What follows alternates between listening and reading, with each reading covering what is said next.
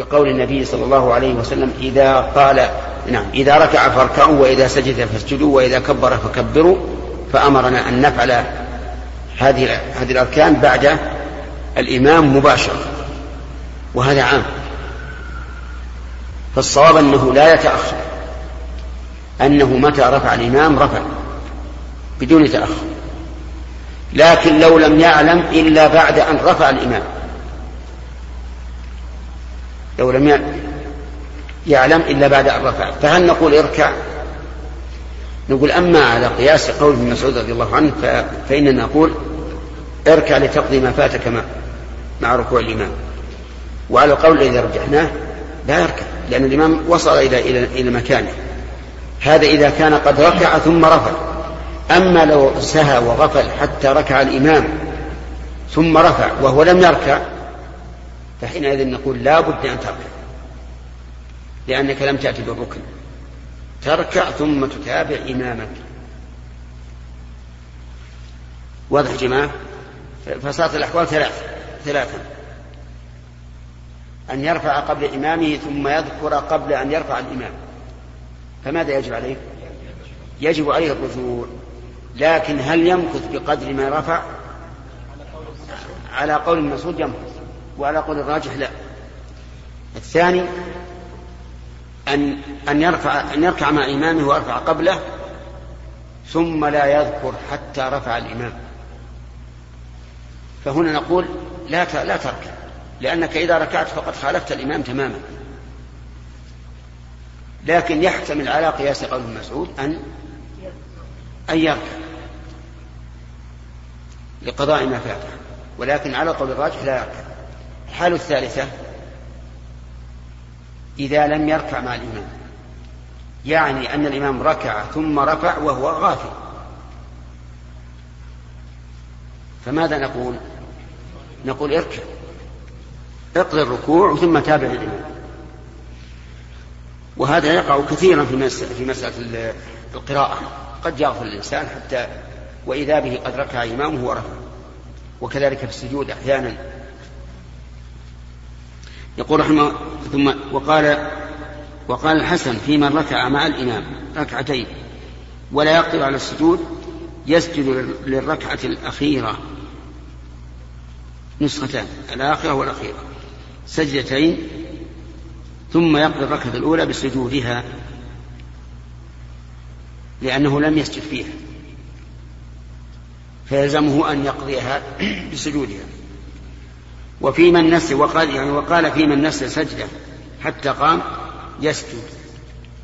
يعني يرجع فيسجد. مثال ذلك إنسان قام من السجدة الأولى يقول رب اغفر لي وارحمني ثم نهض إلى القيام دون السجدة وذكر وهو قائم. فماذا يصنع؟ يرجع يسجد ثم يكمل صلاته ثم يسجد للسهو بعد السلام. ولا فرق بين أن يكون قد شرع في القراءة أو لم يشرع. لأن القول الراجح في هذه المسألة أن الإنسان إذا ترك ركنا من ركعة فإنه يرجع إليه ما لم يصل إليه في الركعة الثانية.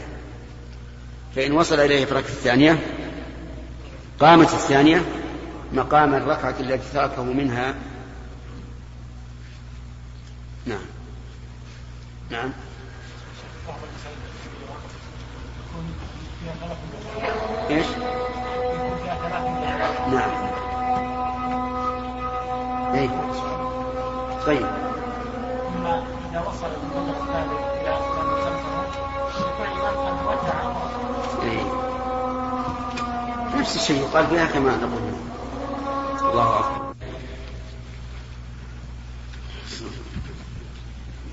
بسم الله الرحمن الرحيم.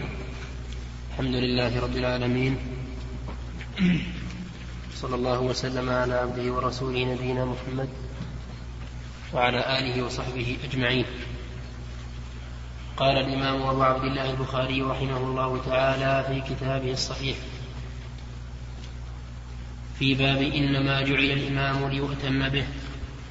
حدثنا أحمد بن يونس قال حدثنا زائدة عن موسى بن أبي عائشة عن عبيد الله بن عبد الله بن عتبة قال دخلت على عائشة فقلت ألا تحدثيني عن مرض رسول الله صلى الله عليه وسلم؟ قالت بلى. تقول النبي صلى الله عليه وسلم فقال أصلى الناس؟ قلنا لا هم ينتظرونك. قال ضعوا لي ماء في المخضب. قالت ففعلنا فاغتسل فذهب لينوء فأغمي عليه. ثم أفاق فقال صلى الله عليه وسلم أصلى الناس؟ قلنا لا هم ينتظرونك يا, يا رسول الله. قال ضعوا لي ماء في المخضب. قال فقعد فاغتسل ثم ذهب لينوء فأغمي عليه. ثم أفاق فقال أصلى الناس؟ قلنا لا هم ينتظرونك يا رسول الله. فقال ضعوا لي ماء في المخضب. فقعد فاغتسل ثم ذهب لينوء فأغمي عليه. ثم أفاق فقال أصلى الناس فقلنا لا هم ينتظرونك هم ينتظرونك يا رسول الله. والناس عكوف في المسجد في المسجد ينتظرون النبي صلى الله عليه عليه السلام لصلاة العشاء الآخرة. فأرسل النبي صلى الله عليه وسلم إلى أبي بكر بأن يصلي بالناس. فأتاه الرسول فقال إن رسول الله صلى الله عليه وسلم يأمرك أن تصلي بالناس. فقال أبو بكر وكان رجلا رقيقا يا عمر صل بالناس. فقال له عمر أنت أحق بذلك. فصلى أبو بكر تلك الأيام. ثم إن النبي صلى الله عليه وسلم وجد من نفسه خفة فخرج بين رجلين أحدهما العباس لصلاة الظهر وأبو بكر يصلي بالناس. فلما رآه أبو بكر ذهب ليتأخر. فأومأ إليه النبي صلى الله عليه وسلم بأن لا يتأخر فقال أجلساني إلى جنبه. فأجلساه إلى جنب أبي بكر. قال فجعل أبو بكر يصلي وهو يأتم بصلاة النبي صلى الله عليه وسلم والناس بصلاة أبي بكر والنبي صلى الله عليه وسلم قاعد. قال عبيد الله فدخلت على عبد الله بن عباس فقلت له ألا أعرض عليك ما حدثتني عائشة عن مرض النبي صلى الله عليه وسلم؟ قال هات فعرضت عليه حديثها فما أنكر منه شيئا غير أنه قال أسمت لك الرجل الذي كان مع العباس قلت لا قال هو علي. حدثنا عبد الله بن يوسف قال أخبرنا مالك عن هشام بن عروة عن أبيه عن عائشة أم المؤمنين أنها قالت صلى رسول الله صلى الله عليه وسلم في بيته وهو شاك فصلى جالسا وصلى وراءه قوم قياما فأشار إليهم أن اجلسوا فلما انصرف قال إنما جعل الإمام ليؤتم به فإذا ركع فاركعوا وإذا رفع فارفعوا وإذا صلى جالسا فصلوا جلوسا. حدثنا عبد الله بن يوسف قال أخبرنا مالك عن ابن شهاب عن أنس بن مالك أن رسول الله صلى الله عليه وسلم ركب فرسا فصرع عنه فجوحش شقه الأيمن فصلى صلاة من الصلوات وهو قاعد فصلينا وراءه قعودا فلما انصرف قال إنما جعل الإمام ليؤتم به فإذا صلى قائما فصلوا قياما فإذا ركع فاركعوا وإذا رفع فارفعوا وإذا قال سمع الله لمن حمده فقولوا ربنا ولك الحمد. وإذا صلى قائما فصلوا قياما وإذا, وإذا صلى جالسا فصلوا جلوسا أجمعون. قال أبو عبد الله قال الحميدي قوله إذا صلى جالسا فصلوا جلوسا هو في مرضه القديم ثم صلى بعد ذلك النبي صلى الله عليه وسلم جالسا والناس خلفه قياما لم يأمرهم بالقعود وإنما يؤخذ بالآخر فالآخر من فعل النبي صلى الله عليه وسلم. بسم الله الرحمن الرحيم. هذا الباب كما علمتم عنوانه ترجمته إنما جعل الإمام ليؤتم به. وبينا فيما سبق أن الجعل هنا جعل شرعي. وقول ليؤتم به أي ليقتدى به ويتخذ إماما ثم ذكر الآثار التي سبق الكلام عليها. ثم ذكر حديث المسند عن عائشة رضي الله عنها أن عبيد الله ابن عبد الله بن عتبة دخل عليها فقال ألا تحدثيني عن مرض النبي صلى الله عليه وعلى آله وسلم؟ قالت بلى. في هذا الحديث من الفوائد فوائد جمة. منها حرص النبي صلى الله عليه وعلى آله وسلم على الصلاة. ولهذا كلما أفاق قال أصل الناس. مما يدل على أنها قد شغلت باله. صلوات الله وسلامه عليه. ومنها أن الإنسان إذا وجد من نفسه ثقلا فإنه يغتسل لأن الاغتسال ينشف. ومنها أيضا أنه يسن لمن أغمي عليه أن يغتسل لأن هذا يعيد إلى الجسم نشاطا ولهذا قال العلماء إنه يسن الاغتسال من الإغماء. ويدل عليه هذا الحديث فإن الرسول صلى الله عليه وسلم اغتسل عدة مرات بعد أن أن أغمي عليه عدة مرات. ومنها انتظار الجماعة للإمام فلا يتقدم أحد ليصلي إلا بإذن من الإمام. قال أهل العلم وإذا تأخر الإمام عن عادته فإن كان قد أذن لأحد من الناس أن يصلي إذا تأخر عن العادة فليصلي وإن لم يكن أذن فإن كان لا يكره أن يصلي أحد عنه فليصلوا أيضا لأنه لا ضرر في ذلك وكونه لا يكره يعني الإذن في أن يصلي أحد. فإن كان يكره ولم يأذن لأحد فإنه يراسل أي يذهب إليه من ينبهه على الصلاة إن كان قريبا. لأن النبي صلى الله عليه وسلم لما تأخر ذات يوم في صلاة العشاء قاموا إليه يخبرونه عليه الصلاة والسلام. عمر وغيره من, من الناس.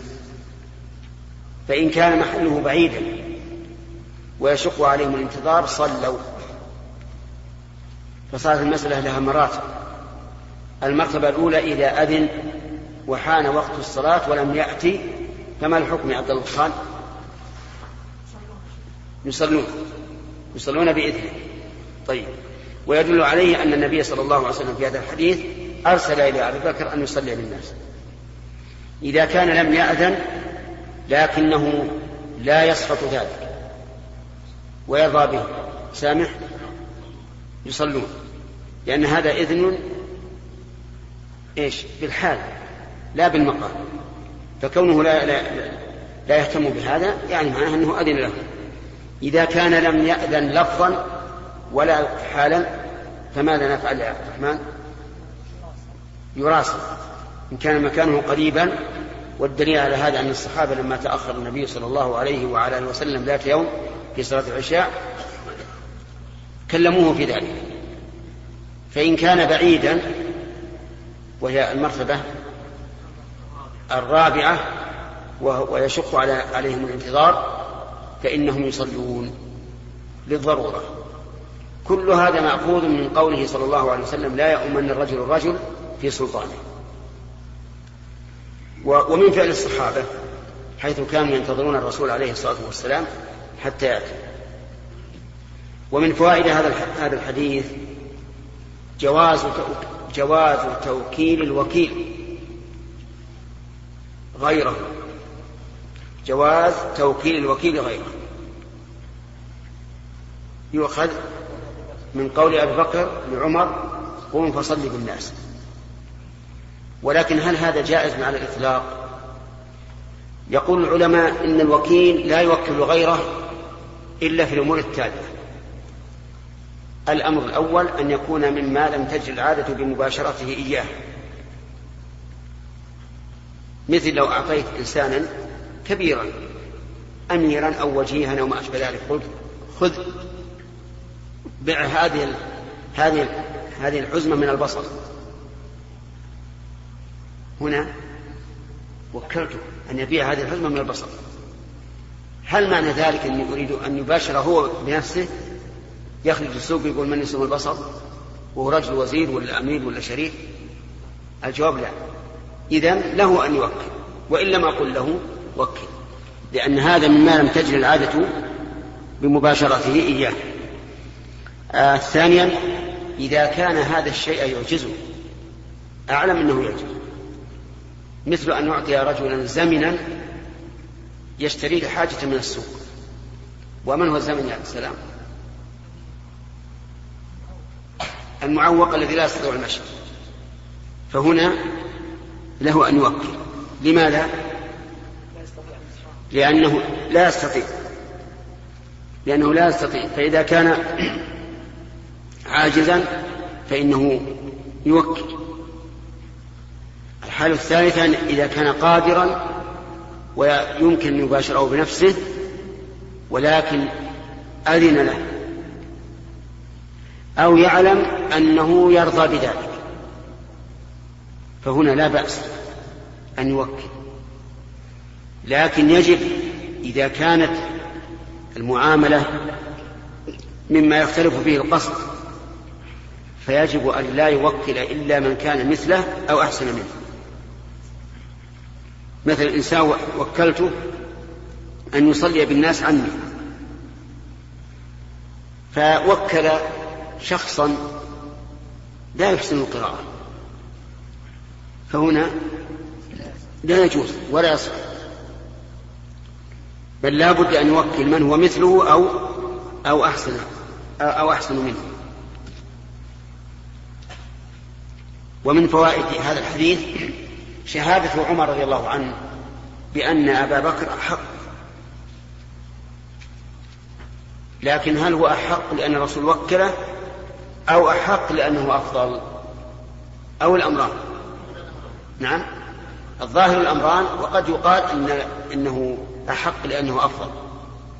وذلك لأن كون الرسول وكله قد تنازل عنه أبو بكر حين قال لعمر صل بالناس. فيكون قوله أنت أحق أي لفضلك ومرتبتك. ومن فوائد هذا الحديث حرص النبي صلى الله عليه وسلم على صلاة الجماعة. ولهذا حرص على أن يستطيع أن يصلي بالجماعة ولكن عجز. وفي الآخر قدر لكنه بين رجلين. وقد قال ابن مسعود رضي الله عنه كما في صحيح مسلم كان الرجل يؤتى به يهادى بين الرجلين حتى يقام في الصف. ومن فوائد هذا الحديث جواز تأخر الإنسان عن صلاة الجماعة لتمريض المريض. وجهه أن العباس وعلي بن أبي طالب لم يأمرهم لم يأمرهما النبي صلى الله عليه وسلم أن يذهبوا مع الناس للجماعة.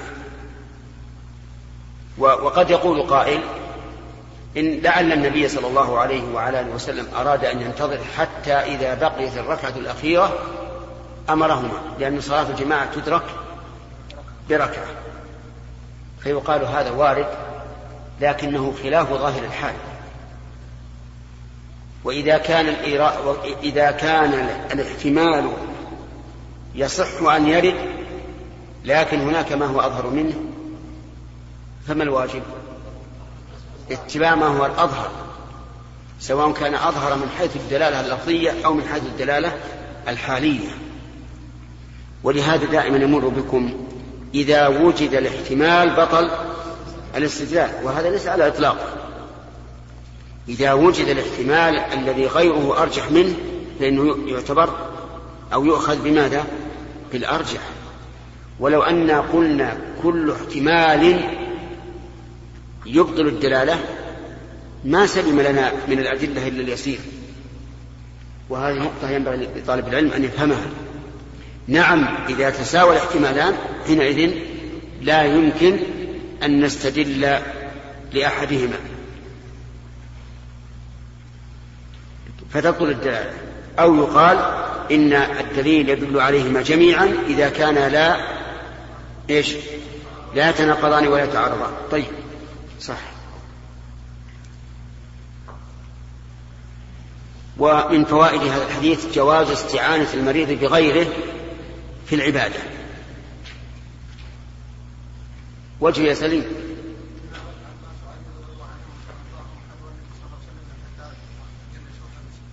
إيه؟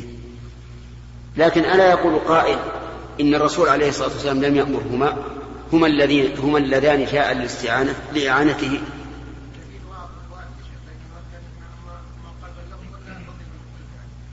لأنه قال أجلسان.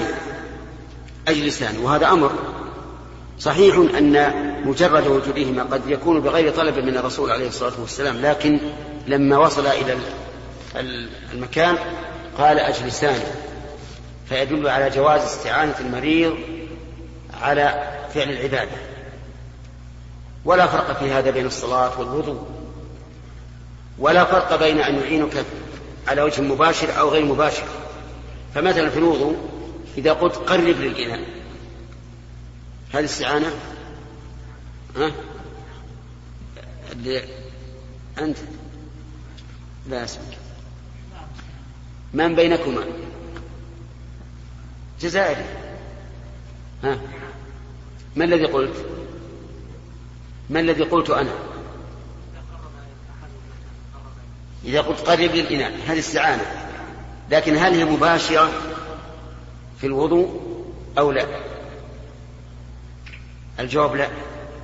لكن لو قلت للإنسان آه، اغسل يدي الإنسان أشل. ما يستطيع أن يغسل إحدى يديه بالأخرى. فقلت اغسل يدي هذه استعانة مباشرة. أو لا؟ نعم مباشرة. هذا أيضا جائز. فيجوز الاستعانة بالغير في أداء العبادة.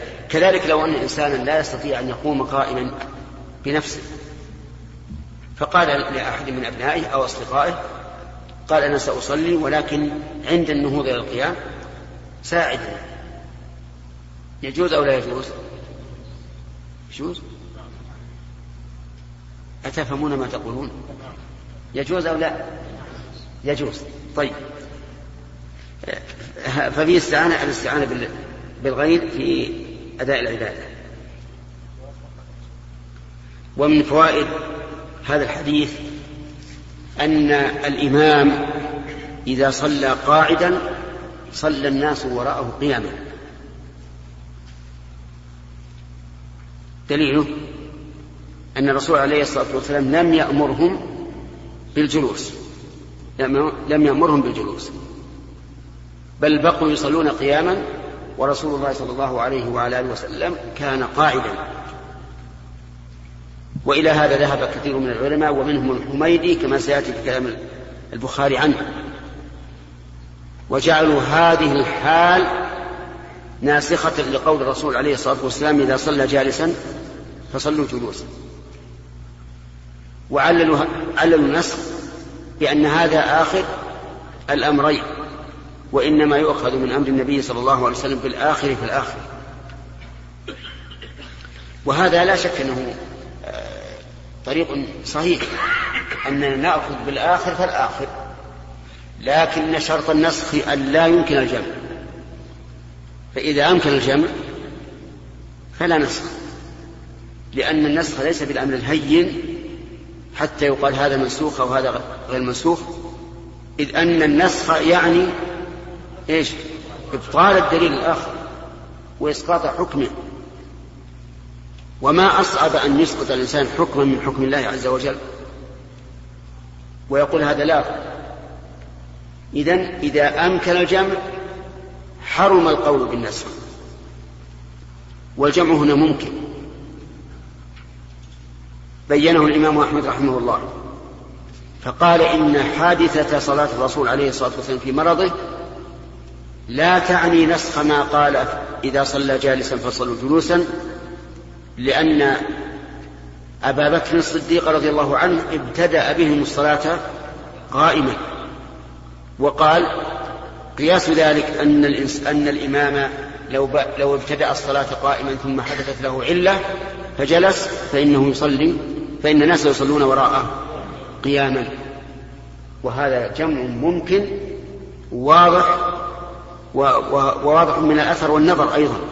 حتى النظر لأن المصلين لما تلبسوا بالصلاة على أنهم قيام وجب عليهم أن يتموها قياما بخلاف من لم يتلبس بها قائما. وبينهما فرق بين الابتداء وبين الاستمرار. وفي هذا الحديث من الفوائد جواز التبليغ عن الإمام إذا كان صوته لا يبلغ المأمومين. الدليل. نعم. أحسنت لأن الرسول كان يكبر ثم يكبر أبو بكر بتكبيره ويكبر الناس بتكبير أبي بكر رضي الله عنه. ومنها الرد على من قال إنه لا يجهر الإمام بشيء من التكبيرات إلا تكبيرة الإحرام. وجهه أن الرسول أقر أبا بكر على إيش؟ على الجهر بالتكبير مع أنه مأموم. ولو كان ذلك غير مشروع لم يقره عليه فالصواب أن جهر الإمام بالتكبير أقل ما نقول فيه إنه سنة. يعني ولو قلنا إنه واجب لكان لهذا القول وجه. لأنه لا يمكن متابعة المأموم الإمام متابعة تامة إلا إذا إلا إذا سمع صوته وما لا يتم الواجب إلا به فهو واجب.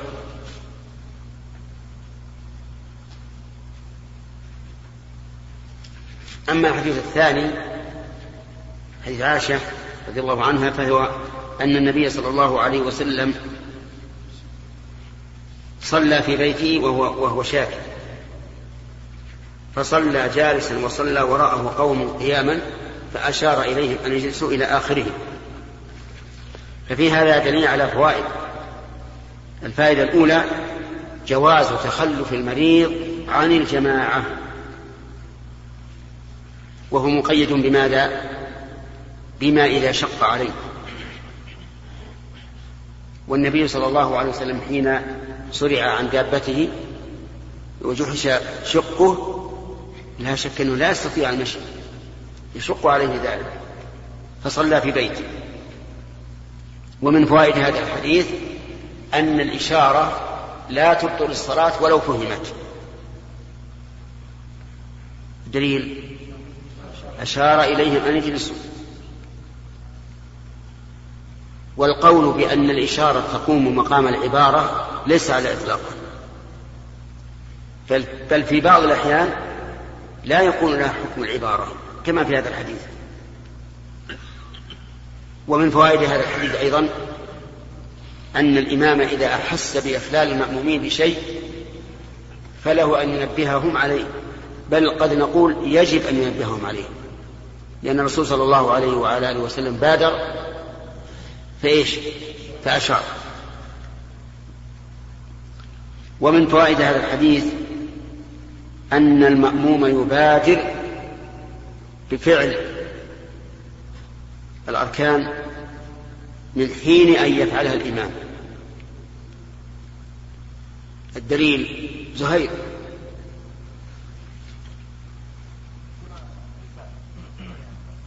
وين هات اللفظ من الحديث. خطأ. سليم.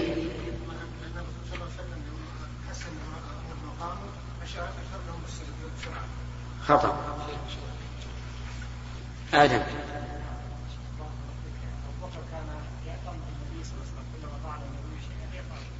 خطأ. وذاك انتهينا منه.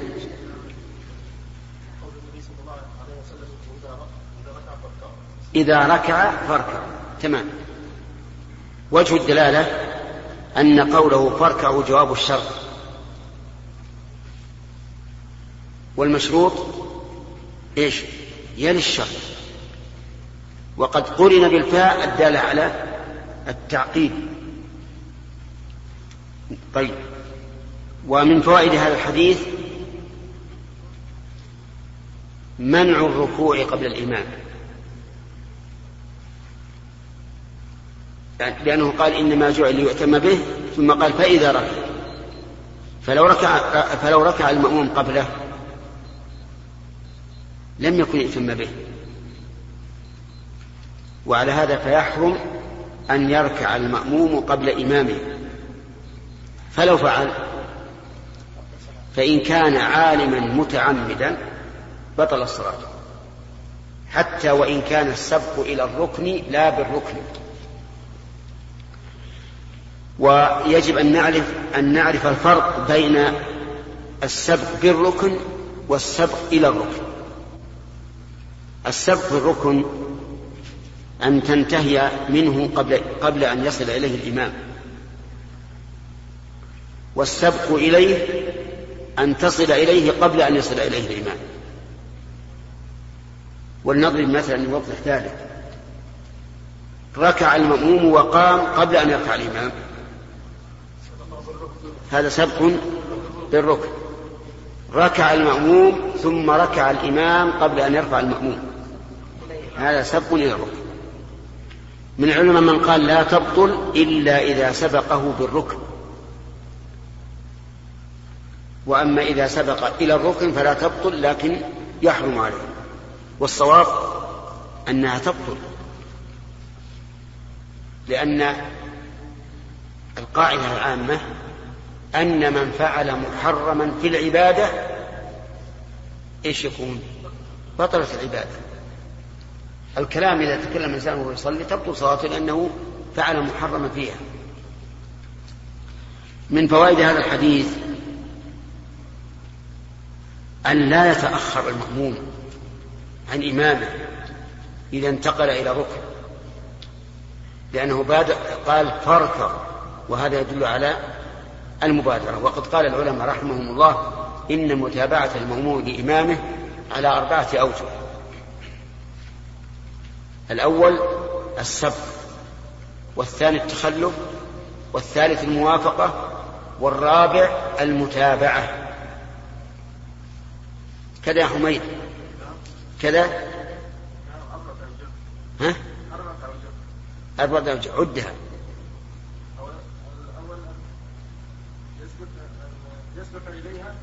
المسابقة. والثاني.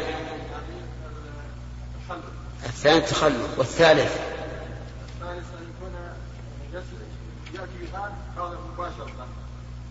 يعني المتابعة.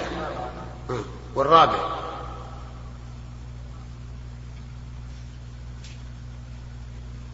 الرابع لا يطير. يحيى. الموافقة. الرابع الموافقة. المشروع من هذه الأوجه الأربعة المتابعة. هذا هو المشروع. والتخلف على القول الراجح إذا تخلف حتى لم يدرك الإمام في الركن الذي وصل إليه بطل الصلاة. تبطل الصلاة. لأنه لم يوافق الإمام في الركن. أما لو وافقه في الركن فلا فهو خلاف الأولى لكنه لا لا, لا تبطل صلاته. نعم ثم قال عليه الصلاة والسلام إذا رفع فارفعوا رفع منين؟ أو عموما. نعم يحتمل العموم أي إذا رفع من الركوع أو من السجود. ويحتمل إذا رفع من الركوع لقوله فإذا ركع فاركعوا. وإذا صلى جالسا فصلوا جلوسا وهذا هو الشاهد. إذا صلى جالسا فصلوا جلوسا. حتى وإن كنتم قادرين على القيام فصلوا جلوسا لأجل الائتمام نعم. حديث أنس. كالأول إلا أن فيه زيادة. وهو قوله إذا قال سمع الله لمن حمده فقولوا ربنا ولك الحمد. يعني ولا تقول سمع الله لمن حمده. لأن النبي صلى الله عليه وسلم جعل قول المأموم ربنا ولك الحمد بدلا عن قول الإمام سمع الله لمن حمده. طيب والإمام هل يقول ربنا ولك الحمد؟ نعم يقول ذلك كما ثبت عن النبي عليه الصلاة والسلام. لكنه لا يقوله حال الرفع بل يقوله إذا استتم قائما. والمأموم يقوله حال فهذا هو الفرق بين الإمام والمأموم في آه، ربنا ولك الحمد. نعم.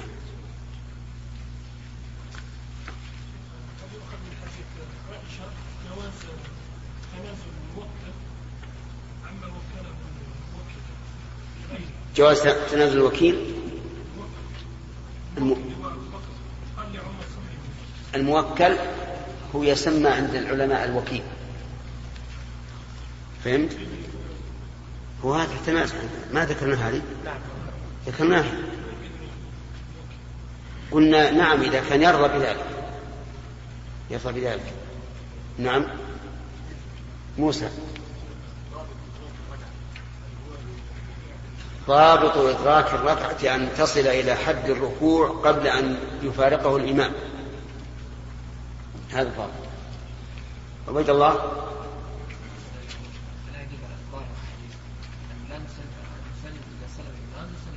نعم. كيف؟ أقول ما هو الدليل؟ وين الحديث؟ وين؟ ليؤتم به ليؤتم به نعم. طيب. إذا يدل على أن التسليم يكون بعد الإمام. لأن المتابعة تقتضي هذا المتابعة أن يأتي الإنسان بالشيء يتبع لغيره بعد بعد استكماله إياه. لا ما تتأخر تأخر إذا بقيت بعد السلام الإمام آه، تدعو أو ما أشبه ذلك. أما من حين يقول ورحمة الله تسلم ما ما تأخرت. نعم. فيها. خلاف. هل التسليمتان واجبتان أو الأولى فقط أو كلاهما؟ لا ما تخل أبدا. ما تخل لولا أن الحديث إذا أمن فأمنوا لولا أنه قال في اللفظ الآخر إذا قال ولا الضالين فقولوا آمين لقلنا أيضا إن تأمين المأموم يكون بعد تأمين الإمام وعلى هذا فالمأموم في جميع أحوال الصلاة يكون بعد إمام نعم. كيف لا تعتبر؟ لا تعتبر متابعة. لو سلم معه ما تابع. ولو تأخر لكان هو المتابع خالد؟ ثلاثة. طيب. باب متى يسجد من خلف الإمام. إيه، كلام الحميدي هل هو مقبول أو مردود؟ وما وجه رده؟ نعم مردود وجه رده؟ أنه يمكن يمكن الجمع. نعم. باب متى يسجد باب متى يسجد من خلف الإمام؟ قال أنس فإذا سجد فاسجدوا. حدثنا مسدد قال حدثنا يحيى بن سعيد عن سفيان قال حدثني أبو إسحاق قال حدثني عبد الله قال حدثني عبد الله بن يزيد. قال حدثني البراء وهو غير كذوب قال, قال الإمام أبو عبد الله البخاري رحمه الله تعالى باب متى يسجد من خلف الإمام. قال أنس فإذا سجد فاسجدوا. حدثنا مسدد قال حدثنا يحيى بن سعيد. عن سفيان قال حدثني أبو إسحاق. قال حدثني عبد قال حدثني عبد الله بن يزيد. قال حدثني البراء وهو غير كذوب قال كان رسول الله صلى الله عليه وسلم إذا قال سمع الله لمن حمده لم يحن أحد منا ظهره حتى يقع النبي صلى الله عليه وسلم ساجدا ثم نقع سجودا بعده. حدثنا أبو نعيم عن سفيان عن أبي إسحاق نحوه بهذا. بسم الله الرحمن الرحيم. هذه هذه الترجمة استفهم البخاري رحمه الله فيها متى يسجد من صلى خلف الإمام. وإنما أوردها بصيغة الاستفهام من أجل التنبه لذلك. لأن ما بين الركنين القيام والسجود طويل. فقد يتعجل المأموم ويسجد قبل أن يصل الإمام إلى السجود. ثم استدل بحديث أنس إذا سجد فاسجدوا. والمراد إذا سجد إيش؟ إذا وصل إلى السجود. وليس المراد إذا شرع في الهوي ولا المراد إذا انتهى من السجود. المراد إذا وصل إلى السجود فاسجدوا. ثم استدل بحديث البراء بن عازب رضي الله عنه قال كان النبي صلى الله عليه وسلم إذا قال سمع الله لمن حمده لم يحن أحد منا ظهره حتى يقع النبي صلى الله عليه وسلم ساجدا ثم نقع سجودا بعده. نقع هنا. يجوز فيها النصب أو لا؟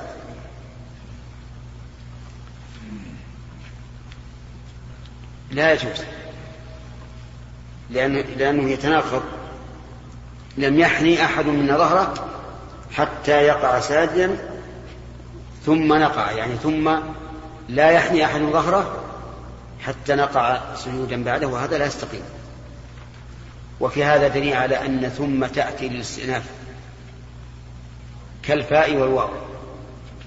ودائما هذه الحروف الثلاثة تتشابه في أحكامها. وفي هذا الحديث دليل على أنك لا تشرع في الهوي إلى السجود حتى يسجد الإمام أي حتى يصل إلى الأرض. وفيه أن المعتبر الفعل دون القول. فلو أن الإمام قال الله أكبر وأنهى التكبير قبل أن يصل إلى السجود فهل تسجد أو لا؟ لا تسجد. المعتبر الفعل. ولكن يقال هذا واضح فيما إذا كنت ترى الإمام. ألا تسجد حتى يصل إلى السجود. لكن إذا كنت لا تراه فما المعتبر؟ المعتبر القول. فصار المعتبر في المتابعة هو الفعل فإذا لم يمكن رجعنا إلى القول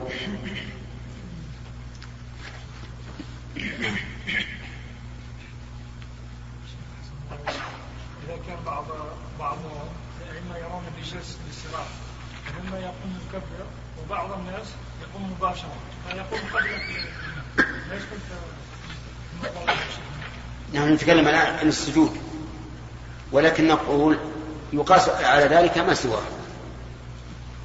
بمعنى أن الإنسان لا ينتقل من الركن الذي فارقه الإمام فيه حتى يصل الإمام إلى الركن الذي يليه. لكن مسألة إذا كان الإمام يجلس للاستراحة فإن المأموم يطلب منه أن يجلس وإن كان لا يرى لا يرى الجلوس. لأن هذا من تمام المتابعة. نعم أيوب. طبعا شيخ بعض الأئمة يعني في السجود في الرفع بالسجود أو الركوع هو يكبر قبل أن يرفع وإذا رفع يكون بطيئا فما يعني يستوي قائما أو قاعدا إلا والناس كلهم قيام خلفه. هذا كيف شيخ؟ هل هذا يعني سبب فيه إثم؟ أي معلوم إذا علموا فيه إثم. لكن إذا لم يعلموا كما قلنا إذا لم نعلم بالفعل أخذنا بالقول. شيخ هذا إذا نصح ولم ولم ينتصح نعم. هل يعني هل للإنسان أن يحذر الناس يقول يعني هذا لا يعرف ويعني لا لا لا. إذا إذا نصح ولم ينتصح يحذر الناس فيقال انتظروا حتى تعلموا أنه وصل إلى الركن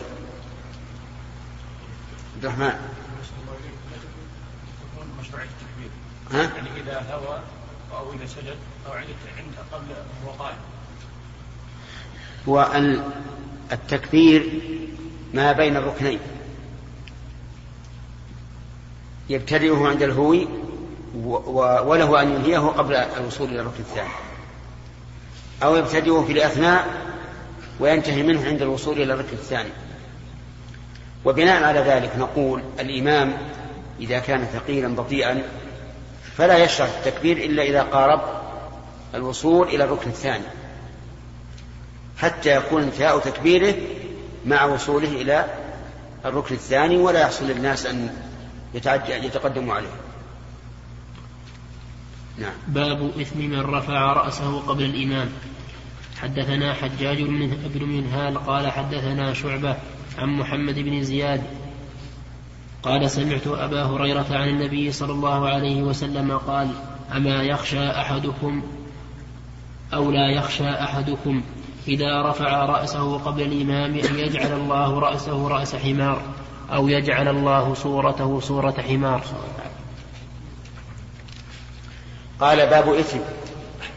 فجزم رحمه الله بإثم من ركع قبل الإمام أو رفع. وذلك لأن النبي صلى الله عليه وسلم حذر من هذا الوعيد من هذه العقوبة. والتحذير من العقوبة يدل على أنه إيش؟ من كبائر الذنوب وأن الإنسان يأتم به. وعلى هذا فلا يجوز أن ترفع رأسك من الركوع أو من السجود حتى يرفع الإمام. فإن فعلت فإنك على خطر من أن الله يجعل صورتك صورة حمار أو يجعل رأسك رأس حمار. وإنما ذكر الحمار عليه الصلاة والسلام لأن الحمار أبلد الحيوانات المألوفة. ولهذا شبه الله بني إسرائيل الذين حملوا التوراة ثم لم يحملوها بماذا؟ بالحمار. لأن الحمار أبلد, الح... أبلد الحيوانات المألوفة. لكن سبحان الله هو أدل الحيوان. يعني يدل مربطه ومبيته أكثر من غيره. قال شيخنا عبد الرزاق العفيفي رحمه الله لأن البليد ليس في مخه تفكير. وإذا كان نعم والتفكير يوجب للمفكر أن ينشغل عن الأمور المحسوسة كالطريق مثلا أو الجادة. وهذا التعليم